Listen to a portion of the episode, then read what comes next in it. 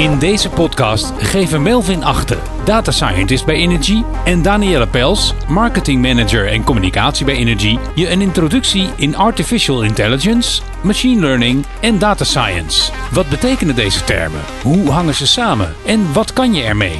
Luister snel naar het eerste deel van een serie van drie podcasts over artificial intelligence en data science. Hallo allemaal, welkom bij deze podcast, uh, serie podcast eigenlijk, over de onderwerpen uh, artificial intelligence en data science van Energy. Mijn naam is Melvin Achten en ik ben uh, data scientist en consultant bij Energy. Dus dit onderwerp is nou, dagelijkse koek voor mij. Nou, waarom? We, we, merken dat dit, dit onderwerp is natuurlijk gewoon een hot topic. niet alleen voor ons als data analytics bedrijf, maar ook bij alle klanten uh, en andere mensen om, uh, om me heen uh, begint steeds meer te leven. En daar komen ook vragen bij. Wat is het nou eigenlijk? Wat kun je ermee? Waarom moet ik ermee beginnen? Dus toen dachten wij, laten we daar een, een, een serie podcasts over gaan, gaan opnemen. En om dat laagdrempelig eigenlijk gewoon toe te gaan lichten. En met elkaar te hebben over hoe kijken wij daarna als energie. En dat hebben we opgedeeld dus in drie podcasts. En de eerste gaan we, gaan we even gewoon eigenlijk een introductie geven over hoe kijken wij naar de wereld van AI en data science. In de tweede podcast gaan we het meer hebben over de samenwerking tussen data scientist en data engineers. Want er wordt wel vaak gedacht dat een data scientist uh, aan het werk zetten dat dat voldoende is. Ehm, maar die kan het niet alleen. en in de laatste en de derde podcast gaan we het hebben over hoe breng je nou uiteindelijk ook een, ja, een data science oplossing in productie. Om het echt waarde op te laten leveren. En dat ga, ik, dat ga ik met een aantal collega's van mij doen. De eerste podcast nu samen met mijn collega Danielle. De tweede podcast met mijn collega Mark. En de derde met, met Richard. Dus uh, nou, Danielle, wil jij jezelf even voorstellen? Ja, dat wil ik. Uh, mijn naam is Danielle Pels. Ik ben marketingmanager bij Energy. En ben daar nu uh, een jaar of vijf werkzaam bij Energy. En ben dus voortdurend bezig met het in de markt zetten van producten rondom data en analytics. En uh, ja, in de loop der jaren natuurlijk heel veel interesse gekregen en ook veel meer begrip voor het uh, onderwerp. Wat voor marketeers natuurlijk extreem belangrijk is geworden. 10, 15 jaar geleden werd er niet zoveel gebruik gemaakt van uh, artificial intelligence binnen de marketingwereld, maar inmiddels wel. En daarom vind ik het ook heel leuk om met jou nu in deze podcast in gesprek te gaan. Want normaal doen we dat aan de lunchtafel bij Energy. Uh, maar ik vind het altijd heel interessant hoe je daarover kan vertellen en hoe ik weer daarvan kan leren om het toe te passen op mijn vakgebied. En dat brengt me eigenlijk direct bij, ik vertelde al, uh, ik zet producten in de markt van data en analytics. Wat ik in de loop van de jaren geleerd heb, is dat er best wel veel verschillende soorten analytics zijn. Zou jij eens kunnen uitleggen wat nou het verschil is tussen die verschillende soorten analytics? Ja, dat is meteen een goed startpunt, denk ik. Want analytics is natuurlijk een heel breed begrip. Uh, analytics maakt per definitie gebruik van, van data. En dan maak je eigenlijk onderscheid in drie, drie soorten analytics. Um, je begint vaak met descriptive analytics. Dat is echt beschrijvend. Uh, wat je heel vaak terug ziet komen in rapportages of dashboards. En waarin je dus eigenlijk gewoon op basis van de data die je beschikbaar hebt... terug gaat kijken naar het verleden van wat is er gebeurd. Dus uh, hoeveel, uh, hoeveel omzet heb ik gisteren gedraaid? Of hoeveel, hoeveel klanten bedien ik? En dat soort vragen kun je dan stellen. Uh, dat is vaak de eerste stap en waar heel veel organisaties natuurlijk ook al, ook al mee bezig zijn en vaak vrij ver mee zijn. De volgende stap is dan om meer voorspelbaar te worden. Dan heb je het over predictive analytics. Dus dan kun je ook vragen gaan stellen als hoeveel, wat, hoeveel omzet ga ik morgen draaien? Of uh, hoeveel klanten of prospects kan ik nog gaan, gaan binnenhalen? Uh, met een bepaalde kans op, op lead generatie bijvoorbeeld. Nou, dan kom je eigenlijk al in het vakgebied van, van, van data science. Want dat gaat een stapje verder. Daar heb je namelijk echt ja, een, stu een stukje statistiek en uh, machine learning voor nodig. Daar gaan we zo meteen meer over vertellen. Uh, en de derde stap uh, noemen we prescriptive analytics. En daar ga je eigenlijk, wil je eigenlijk nou, adviezen of besluiten voorschrijven. dus als je zo, dat, dat, je zover bent dat je een, een model eigenlijk zelf besluiten kan laten nemen op basis van patroonherkenning. Ja, en als je heel dat spectrum kunt beslaan, dan, dan, kun, je, dan kun je eigenlijk dus al AI-oplossingen maken. Ja, want je, je zegt AI-oplossingen. Wat is nou de relatie nou, eigenlijk moet ik vragen, wat is artificial intelligence in jouw ogen? Uh, en wat is dan de relatie uiteindelijk tot de verschillende soorten analytics? Nou, goed om daar even een korte definitie denk van te geven. Er zijn heel veel definities van. Uh, als Energy hebben we er ook een, een definitie voor, uh, voor, eigenlijk gedefinieerd met elkaar van hoe kijken wij naar die wereld. En om het heel simpel uit te leggen, eigenlijk is artificial intelligence of kunstmatige intelligentie, is eigenlijk het nabootsen van, ja, van, van intelligentie die wij als mens ook toepassen.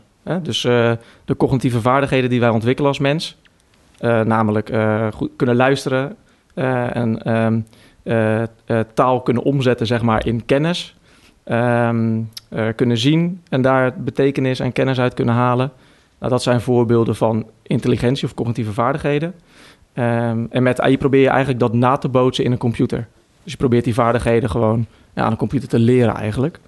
En voordelen zijn natuurlijk daarvan dat, dat je uh, als een computer dat kan, kun je dat natuurlijk heel makkelijk opschalen. Mm -hmm. um, en die cognitieve vaardigheden, uh, ik ken er een paar. je kan volgens mij spraak herkennen, beeld herkennen, maar er zijn er volgens mij meer. Ja, uh, dus uh, er zijn eigenlijk er zijn een aantal concrete voorbeelden. Dus uh, nou, laten we beginnen inderdaad. Spraakherkenning is een, is een voorbeeld.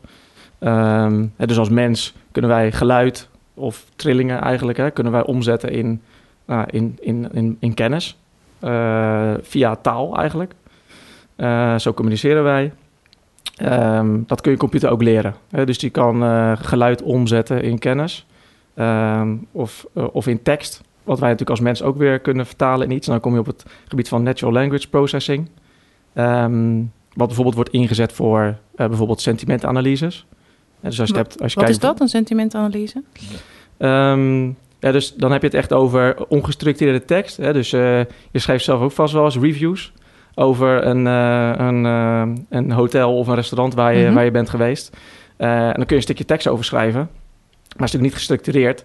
Dus met sentimentanalyse kun je er echt uithalen van wat was jouw sentiment over dat restaurant bijvoorbeeld. Oké, okay, dus je kan en, geautomatiseerd zien, is iemand positief of negatief over een bepaald onderwerp? Exact, ah. ja. En dan kun je als bedrijf natuurlijk kennis uithalen. Want als je ziet van bepaalde klanten hebben een positief sentiment op dit product of op deze dienst, uh, kun je daarmee je dienstverlening natuurlijk gaan verbeteren, gericht. Dus dat is de reden dat als ik een positieve review heb geschreven, ik soms een leuke aanbieding krijg voor een ander hotel, wat daar heel erg op lijkt. Bijvoorbeeld, ja, exact, ja. Um, en een, ander, een andere uh, toepassing is, uh, valt onder computer vision. Dus dan heb je het eigenlijk over nou, wat wij met onze ogen doen. Hè, dus het herkennen van uh, situaties, beeld, gezichtsherkenning. Hè, wat veel telefoons tegenwoordig ook kunnen. Dat is allemaal voorbeelden van computer vision. Um, wordt ook toegepast in de zorg bijvoorbeeld. Um, denk aan foto's die worden genomen om diagnoses te kunnen stellen. nou, dat, dat, dat kun je ook doen uh, of nabootsen eigenlijk door een computer te trainen om dus kennis uit foto's of videobeelden te halen. Um, wil niet zeggen dat die per se de diagnose van een arts gaan vervangen. Uh, dat denk ik ook niet dat dat snel gaat gebeuren. Het wel nu maar ondersteunen. Ja, precies. Ja, precies. Um, ja, en de laatste is eigenlijk, en die, die is eigenlijk ja, onderdeel van, die, van de eerste genoemde drie, is gewoon patroonherkenning in het algemeen. Ja, dus wij kunnen als mens ook patronen herkennen. als ik uh, twee sinaasappels en een banaan neerleg voor mijn neus, dan, nou goed, als je dat neerlegt, dan, dan zie je, dan kun je herkennen, hey, het zijn twee, twee appels en een banaan. Op basis van de vorm en de kleur, et cetera. Dat is een heel simpel, een beetje kinderachtig voorbeeld misschien. Uh, maar dat is een beetje wel de essentie van patroonherkenning. Uh, en dan raak je eigenlijk direct het vlak van machine learning. Waarin je dat eigenlijk toepast om dus toepassingen als spraakherkenning, computer vision, et cetera, uh, ja, te, kunnen, te kunnen realiseren. Ja, en dan zeg je machine learning. En als je dan nog moet omschrijven, wat is dan het grote verschil of de plus die machine learning heeft bovenop uh, artificial intelligence? Ja, je moet het eigenlijk zien als uh, een onderdeel van. Uh, dus AI is echt een, een wetenschap hè, van het nabootsen van dus cognitieve vaardigheden. en machine learning is eigenlijk een soort van gereedschapskist van technieken um, die je kunt gebruiken om AI mogelijk te maken. Aha. Um, zo, moet je het, zo moet je het eigenlijk zien. En um, ik, ik noem wel eens het voorbeeld uh, uh, van collega's. Ik kan mij een paar jaar geleden herinneren. Dat was voor mij voor het eerst dat ik iemand echt heel actief met data science en artificial intelligence in, in de weer zag. En uh, die zat achter zijn laptop. En die zat achterover geleund. Dus ik zeg, heb je niks te doen? En toen zei hij wel, maar ik ben een model aan het trainen. En toen dacht ik, een model aan trainen op een laptop. Wat ben je aan het doen? uh, maar dat gebeurt best wel vaak. Wat is dat nou precies? Is dat dan machine learning? Dat je de computer dat aan het leren bent? En wat doe je dan precies? Ja, ja. Nee, dat is een leuk voorbeeld. Uh, ja, dus dat, dat is echt een typisch voorbeeld. En waar heeft dat mee te maken? Kijk, machine learning draait eigenlijk om het, hè, het trainen van een model. Net als dat eigenlijk dat je weer de vergelijking met een mens. Als mens, je wordt geboren en als, als kind kun, weet je eigenlijk nog niks. Maar doordat je gewoon natuurlijk continu uh, geconfronteerd wordt met situaties. Uh, en je gaat natuurlijk ook naar school, daar leer je natuurlijk ook dingen. Je gaat naar de voetbaltraining. Dat doe je om ergens beter in te worden. En dat is eigenlijk wat je met een machine learning model ook doet. Dus je gaat een model gewoon, ga je echt gewoon continu voeden met ervaringen. En dat is in dit geval dan data. Uh, vaak historische data. Die ga je gewoon voeden met ervaringen. Uh, en zo'n model die kan zelf daar patronen uit herleiden. Dus je gaat het model niet vertellen wat, wat, wat waarom zo is. Je gaat hem geen businessregels aanleren. Um, dat, dat, dat, dat machine learning algoritme gaat echt zelf op zoek naar patronen. en kan op basis daarvan een voorspelling doen. Um, of, of, of een klassificatie of iets klassificeren. Mm. Um, en, en is dat dan op het moment dat ik uh, lekker zit te Netflixen en ik ben eindelijk klaar met het binge-watchen van mijn favoriete serie, dat ik dan onmiddellijk door wil, omdat ik een advies krijg van anderen keken dit ook. Is dat ook op basis van machine learning ja. principes? Absoluut, ja. Dat is het, een heel klassiek voorbeeld natuurlijk, Netflix. Uh, dan heb je het over recommender systems, dus mm -hmm. een aanbevelingssysteem, waarin op basis van niet alleen jouw gedrag, maar ook het, het kijkgedrag van alle andere mensen die een abonnement op Netflix hebben, uh, aanbevelingen gaan doen van als jij dit, als jij dit hebt gekeken, uh, dan kijkt het algoritme niet alleen naar wat jij dan allemaal meer op zelf hebt gekeken, maar ook naar wat hebben anderen gekeken die, uh, ja, die lijken op jou. Niet alleen kijkgedrag, maar ook die dezelfde kenmerken hebben als hm. jij. Hm. Hangt een beetje vanaf wat voor data je hebt natuurlijk. maar dan kijk je naar wat voor soort persoon ben je eigenlijk en wat voor kijkgedrag heb je. En zo'n zo'n ja, zo'n recommender system gaat dan eigenlijk een aanbeveling doen die de hoogste kans van slagen heeft op ja, dat jij wat hij aanbeveelt, dat jij dat waarschijnlijk ook leuk gaat vinden. Ja, ja, ja. Ah, het werkt goed. Dus ik gebruik het eigenlijk dagelijks. Artificial intelligence en machine learning. Meeste mensen, denk ik, of niet? Ja, en ik denk dat dat uh, is wel interessant, want ik denk dat er heel veel mensen zich daar niet bewust van zijn. Ik denk mensen wel steeds bewuster ervan worden, omdat het gewoon een onderwerp is wat steeds vaker ter sprake komt, overal. Uh, maar je, je wordt er eigenlijk dagelijks mee geconfronteerd met je telefoon. Hè? Dus uh, met gezichtsherkenning op je telefoon bijvoorbeeld, om je telefoon te unlocken. Ja. Uh, met spraakherkenning, uh, denk aan een Siri of een Google Home. Ja, want dat vind ik wel interessant dat je dat zegt. Want ehm, op welk marketingcongres ik de laatste jaren ook geweest ben, welke literatuur ik er ook over lees, er wordt voortdurend eigenlijk gezegd: bij marketing zet in op voice. Uh, voice wordt heel belangrijk. Voice is in bijvoorbeeld Amerika al heel belangrijk. We lopen hier een beetje achter. Volgens mij is de Nederlandse voice-herkenning nog niet helemaal goed. Uh, niet zo goed als in de Engelse. Kan je dat verklaren trouwens, waarom het in Nederland minder goed doet dan in Engeland? In de Nederlandse taal bedoel je dan ja, waarschijnlijk? Sorry, ja. ja. Ja, dat heeft in dit geval denk ik gewoon te maken met uh, dat het ontwikkeld is door een Amerikaans-Engels Engelstalig bedrijf. Mm -hmm. en die ervoor gekozen hebben om Um, om zo'n model eigenlijk, hè, die ook getraind wordt op, nou, op eigenlijk de, de Engelse taal, de bibliotheek en uh, alle uh, contexten en sentimenten en dergelijke die, die je eigenlijk binnen de Engelse taal kunt vinden. Natural language processing, hè, daar, hadden we het net even over. Um, die hebben daar waarschijnlijk gewoon eerst op ingezet om ervoor te zorgen dat de betrouwbaarheid eigenlijk daarvan zo hoog mogelijk is. en Nederland is natuurlijk maar een klein landje.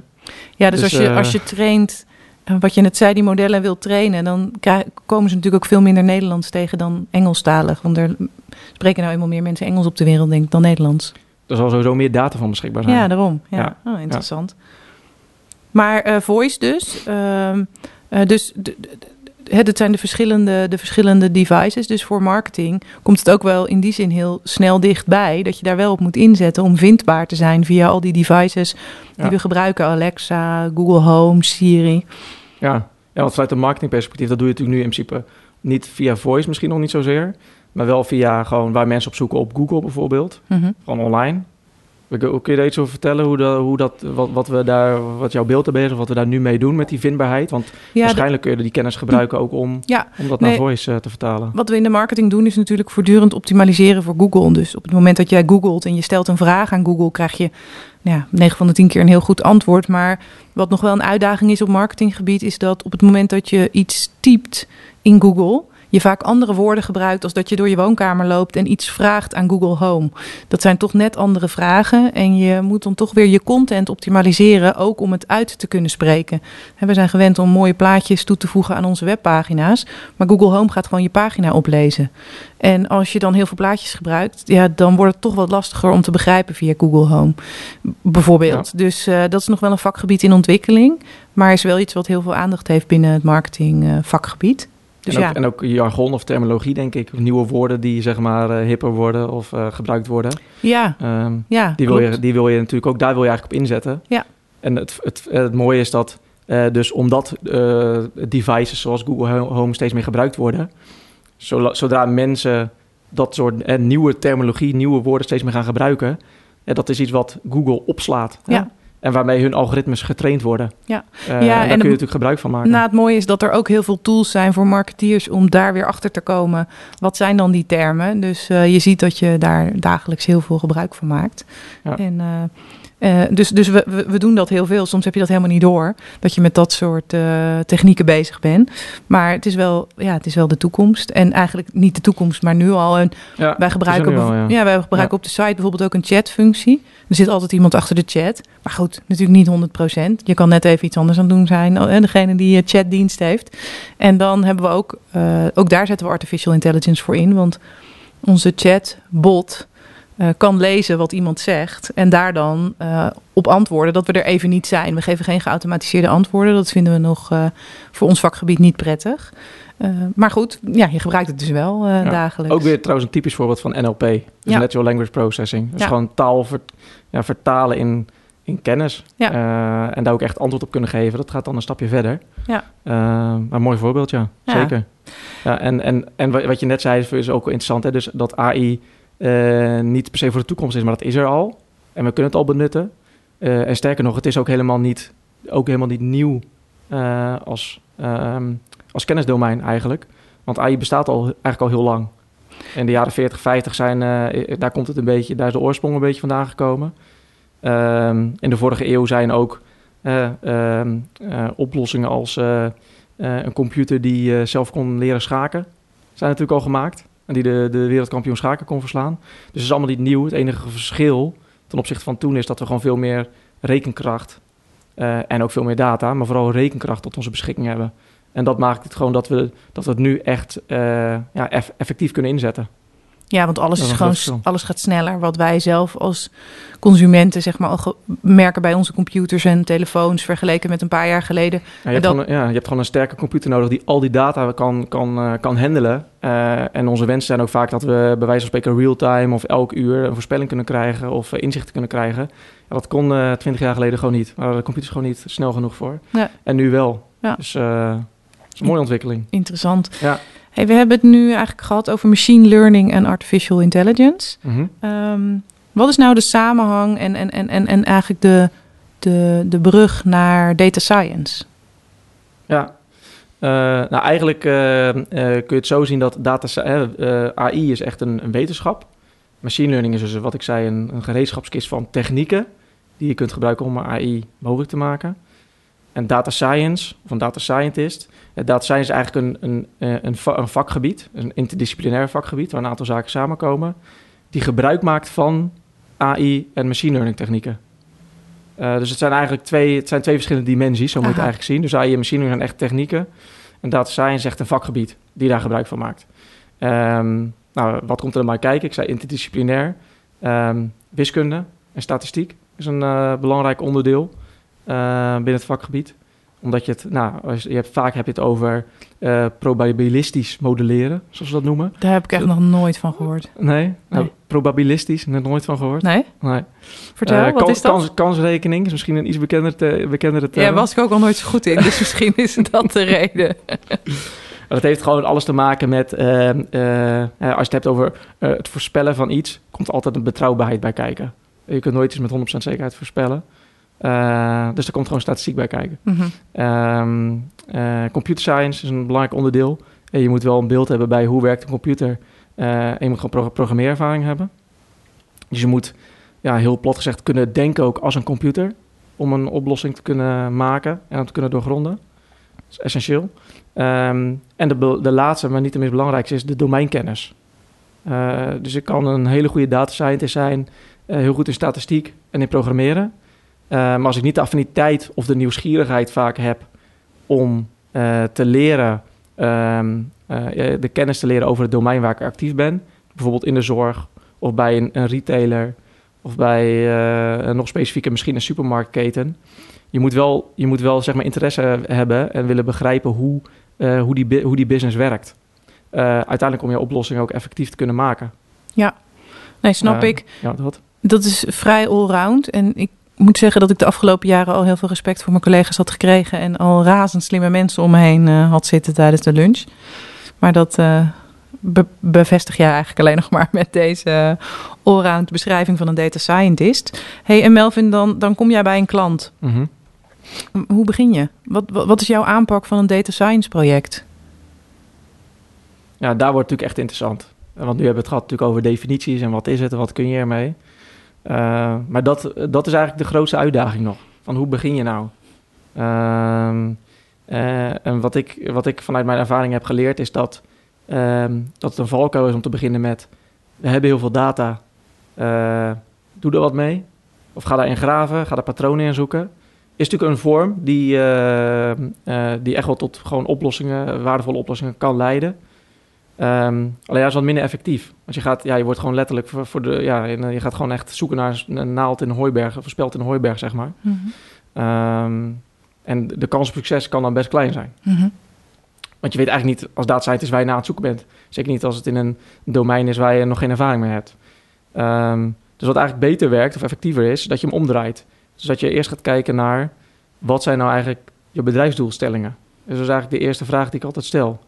Uh, waar stuur je op als bedrijf? Wat zijn je strategische doelstellingen? Wat uh, uh, wil je je omzet verhogen? Wil je je klanttevredenheid verhogen? Misschien hele andere vormen van strategische doelstellingen. wat zijn jouw drijfveren? Wat zijn jouw waardedrijfveren, zeg maar? En als je dat weet, dan kun je op basis daarvan gaan kijken van... oké, waar valt dan nog wat te halen? en welke cases kunnen we bedenken die dat kunnen ondersteunen? Want uiteindelijk wil je die doelstellingen behalen door bepaalde acties te, te, te nemen. En wat je eigenlijk met een data science oplossingen doet, is die die besluitvorming, het nemen van die acties, dat wil je faciliteren. Hè, dus het is echt, een oplossing is altijd een, ja, iets wat, wat, wat een besluitvorming faciliteert. Uh, dus het is echt een middel. En dus je, gaat eigenlijk, je gaat eigenlijk een business case bouwen om te kijken... oké, okay, waar kan ik uh, verbeteringen halen? Waar kan ik meer winst, minder kosten, betere klanttevredenheid, et cetera halen? Ja. En wat is daar dan voor nodig? En welke data kan ik daarvoor inzetten op welke manier? Exact. Misschien om een concreet voorbeeld te noemen... Um, uh, als je als bedrijf uh, um, uh, weet dat je, dat je last hebt van klanten die jou verlaten als klant. Mm -hmm. En blijkbaar overstappen naar een ander bedrijf of gewoon minder aankopen doen. Um, nou, dan is dat blijkbaar iets waar je last van hebt en waar je op zou willen sturen. welke actie, dan wil je waarschijnlijk een actie ondernemen op klanten die een grote kans hebben om jou te gaan verlaten. Om daar ja, bepaalde marketing of uh, vanuit je klantservice andere soorten acties op te gaan nemen om ervoor te zorgen dat die klant, klant bij jou blijven. Dus moet je eerst definiëren wat is dan die actie die je wilt kunnen nemen. Uh, en op basis daarvan weet je, oké, okay, die output heb je dus nodig. En dan ga je echt pas beginnen met uh, je data science oplossing. Dus, dus, dan ga je patronen herkennen. waarom gaat iemand weg? Wat zijn de acties die hij onderneemt voordat hij weggaat? Of, ja. of juist niet? Ja, dus je wil eigenlijk, je output is eigenlijk, wil, je wil eigenlijk dat je output is, wat is de, van al mijn klanten de kans dat ze mij gaan verlaten als, als als klant zijnde. En dan ga je, ga je kijken van oké, welke modellen we kunnen daarvoor gebruiken en welke data hebben we daarvoor beschikbaar. En dat is dan natuurlijk vaak gewoon kenmerken van je klant, uh, koopgedrag uh, van je klanten. En als je op basis daarvan uh, kunt voorspellen, deze klant heeft een kans van 90% om te, mij te gaan verlaten in de komende maand, wil je daar waarschijnlijk een actie op gaan ondernemen. Ja. Dus zo, zo draai je hem eigenlijk om in plaats van wat, wat kunnen we met onze data naar wat willen we aan ons doelstelling, wat zijn onze doelstellingen en hoe, en hoe kunnen we data en data science inzetten om die doelstellingen efficiënter te behalen. Ja, want je wil gewoon impact maken, je wil eh, waarde uit je ja. data halen en niet zomaar aan de slag gaan. Exact. Nou, en eigenlijk met die werkwijze, en dat, doen dat doen we dan vaak in een, uh, in een workshop variant met een aantal uh, verschillende stakeholders vanuit het bedrijf. Uh, juist met verschillende disciplines. Want die, ja, de, dat zijn uiteindelijk de disciplines die het bedrijf ook gewoon draaiende houden. En de doelstellingen moet gaan behalen samen. Uh, en daar komt, dan, daar komt dan een lijst met allemaal use cases uit die ja, geënt zijn op verschillende doelstellingen. En dan kun je met elkaar gaan kiezen van waar gaan we prioriteit aan geven. Ja, dus je maakt echt een kickstart op het gebied van data science. Ja. Ja. ja. Oké. Okay. En zo maak je het ook meteen business case gedreven. Ja. En dan kun je meteen aan ophangen van oké, okay, we, gaan, we gaan starten met deze case. Omdat we daar de grootste potentie en laagdrempeligheid in zien bijvoorbeeld. En kan je nou uit ervaring eens een leuk voorbeeld geven van een, uh, een, uh, een, een casus die je de afgelopen tijd hebt gedaan? Zeker. Um, en misschien juist leuk om dan een aantal use cases op het gebied van marketing uh, te benoemen. Ja, graag.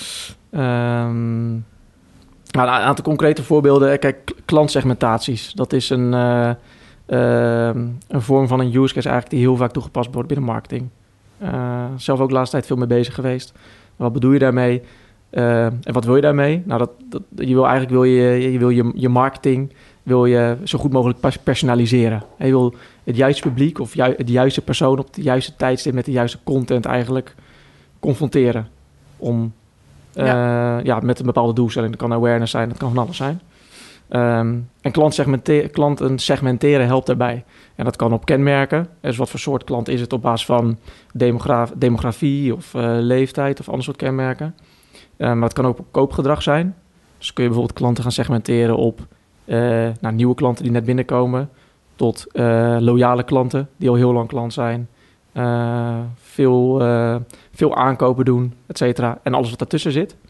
En als je die klantsegmenten hebt, en die kun je dus halen uit je data, heb je eigenlijk nieuwe labels per klant die je daarvoor nog niet had, die je kunt gebruiken om die doelgroepen, ja, om daar gerichte acties op te ondernemen. En dat kan marketing content zijn, maar dat kunnen ook uh, aanbiedingen zijn, productaanbiedingen op je webshop of wat dan ook. Mm -hmm. uh, dus dat is per definitie denk ik een interessante use case, die eigenlijk aan kan sluiten op verschillende toepasbare use case binnen marketing. Um, ja, customer churn, hebben we het eigenlijk net ook al een beetje over gehad. Het verloop van je klanten of eigenlijk het verhogen van je klantenretentie. En ze zeggen, er wordt vaak gezegd, het behouden van klanten uh, is goedko veel goedkoper dan het binnenhalen van nieuwe klanten. Ja. Dat wordt vaak onderschat. Ja. Um, nou, recommender systems hebben we het even over gehad. Um, uh, ja, dat zijn wel de binnen marketing zijn dat wel een aantal belangrijke use cases, denk ik. Ja. Waar, ik, waar ik zelf in ieder geval, als ik, als ik marketinggericht bezig ben met, uh, met mijn werk, dan, dan zijn vaak dat wel de voorbeelden die voorbij komen. Ja, en de overkoepelende uh, term die daar binnen marketing veel voor wordt gebruikt, is het uh, verbeteren van de customer journey. Dus je gaat echt kijken, wat is het klantsegment? Mm -hmm. dan kom je ook weer op die recommendations, want mensen willen op het juiste moment de goede content. En je wil natuurlijk voorkomen dat ze weggaan. Dus je wil dat die customer journey zo lang mogelijk duurt. Dus als je binnen de marketing in dat vakgebied gaat kijken en ook weer, wat kom ik tegen in literatuur en op congressen, dan gaat het altijd over de customer journey. En als je die goed inricht, dan, uh, nou, dan ben je een hele goede marketeer. En ook dat is weer een iteratief proces natuurlijk. Zeker. Want als je begint ja. met dit zijn mijn segmenten en ik ga per segment een journey opstellen, dat is eigenlijk hoe het werkt. En voor een nieuwe klant heb je een heel andere journey dan een klant die al tien jaar klant bij jou is. Um, en als je dat dan eenmaal, daar eenmaal mee gaat beginnen, uh, dan wil je juist ook de data daarvan zo goed mogelijk opslaan. Van hey, hoe, hoe effectief is die journey eigenlijk? Om die journey ook te kunnen aanpassen, eigenlijk gedurende de looptijd van... Uh... Ja, en je ziet dat heel veel marketing automation tools nu die um, customer journey ook voor jou ver maken. Dus die geven jou inmiddels tips en adviezen van uh, jouw doelgroep. Um, die converteert het beste als je die content stuurt op maandag om tien uur 's ochtends. Nou, ik noem maar wat. Ja. En uh, dat kan natuurlijk op allerlei momenten zijn. En dat zie je ook steeds vaker in uh, social media tools, die ook voorspellen uh, wat jouw doelgroep prettig vindt om wanneer, wanneer ze de content willen ontvangen. En dat wisselt per jaargetijde, dat wisselt per doelgroep, dat wisselt per product. Dus dat is een heel ingewikkelde wetenschap geworden inmiddels. Zeker. Vroeger zei iedereen, je ja. moet zondagavond acht uur posten, dan is het goed. Nou, dat is wel voor verleden tijd. Dat is iets te gemakkelijk gedacht, helaas. Dat vond ik wel op zich wel heel makkelijk toen ik het wist. Maar inmiddels is het ja, iets ingewikkelder geworden. En, ja. Maar daar helpt, uh, dat kan je niet meer als persoon. Dat kan gewoon niet. Je kan niet meer als mens al die verschillende data combineren en uh, analyseren. Daar heb je echt een computer voor nodig, inderdaad. Juist, en daar is dus die schaalbaarheid is gewoon een heel groot voordeel. Ja. Uh, ja. Oké, okay, uh, nou, ik vind het uh, wel heel duidelijk geworden. Ik had, voordat we deze podcast deden, natuurlijk de whitepaper die jij geschreven hebt gelezen. Uh, kan ik ook aanraden aan de luisteraars. download hem vanaf de website van Energy. Want daar staat eigenlijk ook best wel veel van wat we nu besproken hebben ook nog eens uitgeschreven in. Ja, klopt. dus als je nog terug wil lezen, is dat echt een aanrader. dit is de eerste podcast, zoals je aan het begin al aangaf, van een reeks van drie. Mm -hmm. Uh, de reeks van uh, drie wordt vervolgd door een uh, podcast over data science en help me even. Data engineering. Data engineering. Ja. En dan de derde wordt met data science en met oplossingen die echt het verschil gaan maken. Hè? Dus, ja, dus gaan we, echt het, gaan we echt in op het verschil tussen experimenteren en operationaliseren van ja. oplossingen. Ja. Ja. Dus, denk wel herkenbaar voor veel mensen en bedrijven. Ja. Uh, ja, wij, wij zien dat ook gewoon heel vaak uh, voorbij komen. Dus ik denk dat het wel een interessant onderwerp is om daar eens op, uh, op in te gaan. Wat wij daarin zien en wat onze ja, wat onze ervaring daarin is. En wat onze adviezen daarin zijn, hoe je dat het best kunt aanpakken. Precies, dus je gaat wat ja. dieper op de stof in in de komende podcast. Juist, daar zullen we iets meer op, de, op de technische inhoud ingaan. Ja, en leuk. Daar, daar haken een aantal collega's haken daarbij aan, ja. die ik echt hard nodig heb. Ja. Ook in mijn werk. Ja. Oké, okay, hey, dankjewel. Ik vond het erg interessant en leuk om er weer wat meer over te leren. Ja, ja jij ook bedankt. Leuk om ook zo te kijken naar toepassingen in jouw specifieke vakgebied. Ja. zo is dat denk ik en dat is het leuke van data science. We hebben het nu veel over marketingvoorbeelden gehad. Maar het is in iedere, in iedere ja, vorm van toepassingen binnen een bedrijf. Of dat marketing, of HR, of de operatie, of finance, uh, of commercie. Overal zijn data science toepassingen te bedenken. Daarom is het goed om te beginnen dus met, uh, nou goed wat ik net zei. waar kunnen we waarde halen? en wat zijn use cases daarin? Dus nou, dankjewel. Jij ook.